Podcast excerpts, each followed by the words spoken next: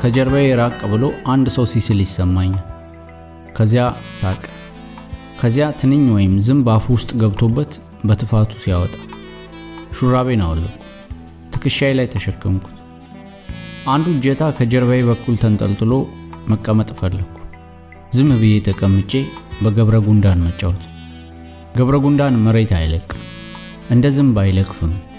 ትንንሽ ዕቃዎቻቸውን ስንዴ፣ ገለባ፣ ስኳር፣ ትናንሽ ነጫጭ እንቁላሎቻቸውን ከአንድ ጉድጓድ ወደ አንድ ጉድጓድ ተሸክመው ያመላልሳሉ።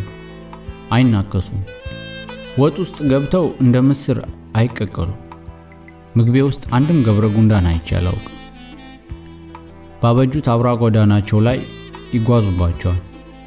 አድራሻቸው ቢበታተኑም አይጠፋባቸውም። ልክ እኔ ቤቴ እንደማይጠፋኝ። የበለጠ ደስ የሚለኝ ጉንዳን ተሸክመው ሲሄዱ ነው። ወይም ከከመርኩባቸው ጭብጥ አፈር ስር እየተንፈረፈሩ ብቅ ሲሉ ነው። በገብረ ጉንዳን ለመጫወት ቁጭ አልኩ። ሹራቤን ወደ ጎን ወርውሬ ከዋናው ሰልፍ ወጥታ የምትከነከነውን አንዷን ያስኳት። ቀኝ እጄ መዳፍ ላይ አስቀመጥኳት።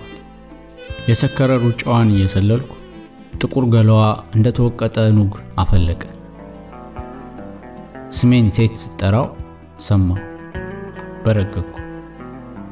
ጉንዳኗን ረሳሁ። ድምፅ ወደ ሰማሁበት ቀና አልኩ። ገብረ ጉንዳኗ የት እንደሄደች ጠፋችኝ። ትርንጎ ናት። ነጠላዋን እያመቻቸች እኔ ወዳለሁበት መጣች። ሩቅ ናት። አጠገቤ እስክትደርስ አልተናገረችም። ከዚያ ምን ትሰራለህ ብቻህን እዚህ በቀትር አለችኝ። ዝም አልኳት። መሬት መሬት እያየሁ እናትህ አለች? ትከሻዬን ነቀነቅኩ። እግሯን እያየሁ የሚያምር ፍርግርግ የተሰራ ቆዳ ጫማ አድርጋለች። ደረቱ ላይ ቋጠሮ ያለበት ከውስጥ ቀይ እግሯ ይታያል። የፀሐይ ብርሃን ወድቆበት ልቤ ይመታል። ሞቆ ሆኖ ሹራብህን ያወለከው? ከመሬት ላይ አንስታ ልታለብሰኝ ፊት ለፊቴ ቆመች። እኔም ለመልበስ ተጠጋሁላት። ቀሚሷ እንደ ቤተ ክርስቲያን ጉዝጓዝ ሳር ይሸታል። ስትቀርበኝ ሽንሽኑ አፍንጫዬን አፌን ይዳብሰኝ። ትንፋሿ ራሴ ላይ የወረደ ያህል ይሰማኝ።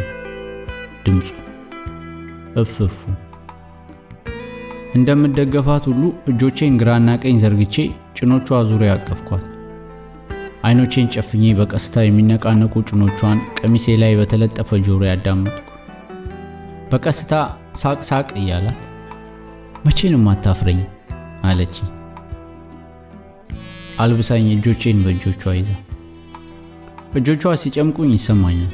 ላብ እያንሸራተተ ሲያመልጣት ትንሽ እንደሄድን ያመጣውልህ ልስጥ አሁን አለች። ዝም አልኳት። በግንባሬ ትይዩ የሚወዛወዘውን ቦርሳ እያየሁ እጄን ለቃ ቦርሳዋን ከፈተች። እጆቿ ከከረሚላ ዘግነው ወጡ። የማር ከረሚላዎች በቢጫና ቀይ የወረቀት ሹራቦች ውስጥ ቅርፊቶቻቸው ስር የማልጠግበው ማር ሸውከው ሌላውን ይዝልሃለሁ፣ ሁለት ብቻ ወሰድ አለች። ሁለቱን ወሰድኩ። ቆይ ልላጥል ልጣ እንድታጎርሰኝ አፌን ከፈትኩ። ሳቀችና ቁጢጥ ብላ አንድ የማር ከረሚላ ቀስ ብላ በአፌ ያስገባች። እሱም በምላሴ ሳገላብጥ ትልቅ አፏ ሳያስጠነቅቅ መጥቶ አፌን ሳመ። የከንፈር ቀለሟ ከንፈሮቼ ላይ የማስቲካ ጠረን አስቀምጦ ራሴን ዞር አደረገኝና ተጠጋዋት። በደከመ ድምፅ ምን ላድርግልህ የኔ ጌታ አለች። አንገቴን አቅፋ አናቴ ላይ ሳም ሳም አደረገችኝና ሙሉ በሙሉ አቀፈችኝ። ተዝናንቼ ስለተደገፍኳት ሚዛኗ ተበላሽቶ ቁጢጥ ማለት አልቻለች። ጣልከኝ፣ አንተ ጣልከኝ አለችና ላለመውደቅ ባለያዘኝ እጇ መሬት ተደገፈች። ጉልበቶቿ የሚደርሰው አጭር ቀሚስ ተሰብስቦ ነጭ ውስጥ ሱሪዋና ፀሐይ የመሰሉ ጭኖች አይ ለቃኝ ሳር ላይ ተቀመጠችና የአይኖቼን አካሄድ አጠናች። አተኮረች። ቀኝ እጇን ዘርግታ ግራ ጉንጬን፣ ፊቴን የማር ከረሜላዋን እብጠት ዳበሰችና ወደ እሷ ሙሉ በሙሉ ስባ አቀፈች።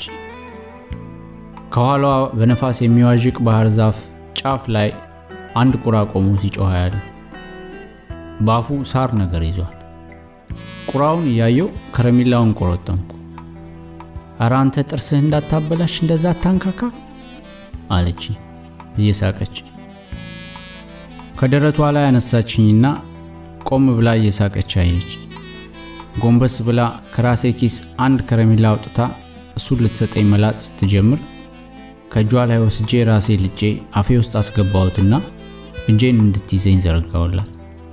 የከረሜላውን ሽፋን ንፋስ ቀልቦ ወሰደ። በአይኖቼ ወደ ኋላ ዞር እያልኩ መውደቂያውን ተከተልኩት።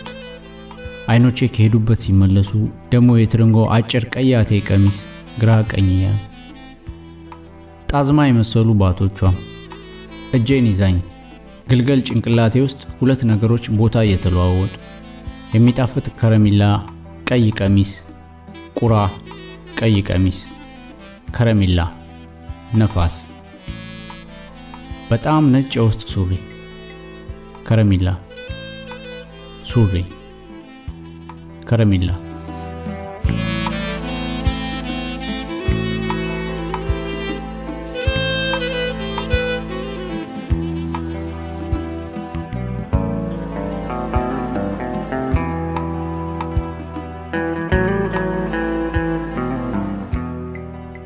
እዚህ አካባቢ ደግሞ ቤት ስለሚበዛ ከሜዳው የበለጠ ይሞቃል። ይሄ ፀሐይ እንዴት ነው አልከፋም? አለች ለራሷ። ቀጠለች። ሹራብህን ያለ ነገር አላወለከውም ነበር አለች። ሁለተኛ ከረሜላዬን አንካክቼ ጨርሼ ሶስተኛዬን በአንድ እጄና በአፌ እየላጥኩ ነበር። ቤቴ ደርሰን የግቢው በር ገርበብ ብሏል። አንኳኩታ ገባች። ተከተልኳት። የት ሄደዋል? ማንም የለም? ቡና ሊጠጡ ነው መሰለኝ አልኩ። እስኪ ፈልግና ንገራቸው እንደመጣ። ደስ አላለኝም። ይገባታል። ጀመርክ። ሂድና እናትህን ጥራት። ከቤት ወጣ። የመጀመሪያው የጎረቤት ቤት ማንም አልነበረም። ስለምወዳት እንጂ የምጠላውን ስራ ነው የሰጠች። ሁለተኛው ቤት የፈቃዱ እናት ወደ ቤት የሚገባውን ፀሐይ በትንሹ ሸሸት ብላ በአንድ እጇ ጎፈሬዋን ታበጥራለች። ጎፈሬዋ እንደ ጨፈቃ አጥር ቆሟል። ሶስተኛው ቤት ጫጫታ ነው። ቡና እዚህ እየጠጡ እንደሆነ ገባኝ። የተከፈተው በር ፊት ለፊት ሄጄ ቆምኩ። የዕጣን የቡናና የሚነድ ከሰል ሽታ ሰነፈጠኝ። ምነው በር ላይ ቆምክ? አሉ ደጃፍ ላይ የተቀመጡ ቄስ። ጭራ ቢይዙም ማራገቡን ወሬ ስላስረሳቸው በእኔ በኩል ያለውን አንዱን ትከሻቸውን ዝንብ ወሮት ዝንቦቹን እያየው ዝም አልኩ። ምን ጥቁር እንግዳ መጣልሽ መሰለኝ አሉ ቡና ቀጇዋ ሴት ወደ እናቴ ዞሩ። እናቴ አላየችኝ። አይናገርም እንዴ? ሰዓት ሊያልፈው ነው። በር ላይ ቆሞ ጥላውን ሲጥልብኝ አሉና ቄሱ ጭራቸውን አወዛወዙ። ጢማቸውን ትክ ብዬ ከጋቢያቸው ተቧጦ የቀረ ጥጥ ተሰካክቶበታል። መለስለሱን መሻከሩን ለማወቅ ልዳብሰው ፈለኩ። ማን መጣ? እሱ እንደው ቃል አይወጣው። እኛ ዝምታውን መተርጎም ለምደናል የኔታ። እናቴ ከመቀመጫዋ ተነሳች፣ ነጠላዋን ትታ። ሰው ጠራሽ ለማለት መምጣቱም ይገርመኛል። እናቴን ተከትዬ ወጣሁ። ትርንጎ መጣች። ራሴን በአዎንታ ነቀነቅኩ።